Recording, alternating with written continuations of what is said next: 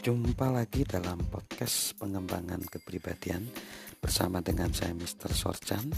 Saat ini kita masih belajar tentang disiplin. Bagaimana kita meningkatkan kapasitas disiplin? Yang kedua adalah singkirkan semua dalih. Singkirkan semua alasan-alasan. Jika disiplin adalah jalan tol menuju tempat yang kita inginkan dalam hidup, maka dalih alasan adalah pintu keluar dari jalan tol tersebut. Dan percayalah, banyak sekali pintu keluar. Perhatikan beberapa di antaranya, lalu periksa apakah kita pernah mendapati diri sendiri mengatakan salah satunya. Inilah alasan-alasan atau dalih yang menyebabkan kita tidak berdisiplin. Saya akan memulainya setelah tahun baru. Saya tidak ingin melakukannya sendirian. Pasangan saya tidak ingin melakukannya bersama saya.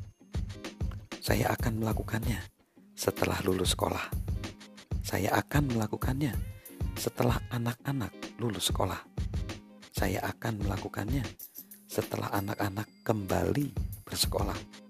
Saya akan melakukannya setelah punya lebih banyak energi. Saya akan memulainya setelah cuaca membaik. Saya akan memulainya setelah kesibukan saya berkurang. Saya akan memulainya setelah berulang tahun. Saya akan melakukannya besok.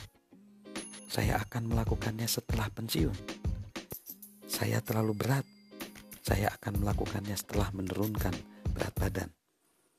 Saya sudah terlalu tua saya tidak berpengalaman. Saya terlalu takut. Saya terlalu lelah. Saya tidak tahu cara memulainya.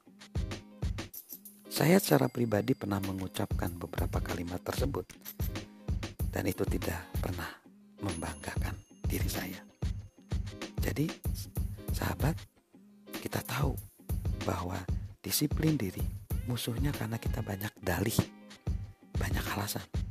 Mari kita tanyakan pada diri sendiri, apakah itu menghentikan saya untuk melakukan sesuatu yang sangat saya suka lakukan? Jika jawabannya tidak, itu hanyalah dalih.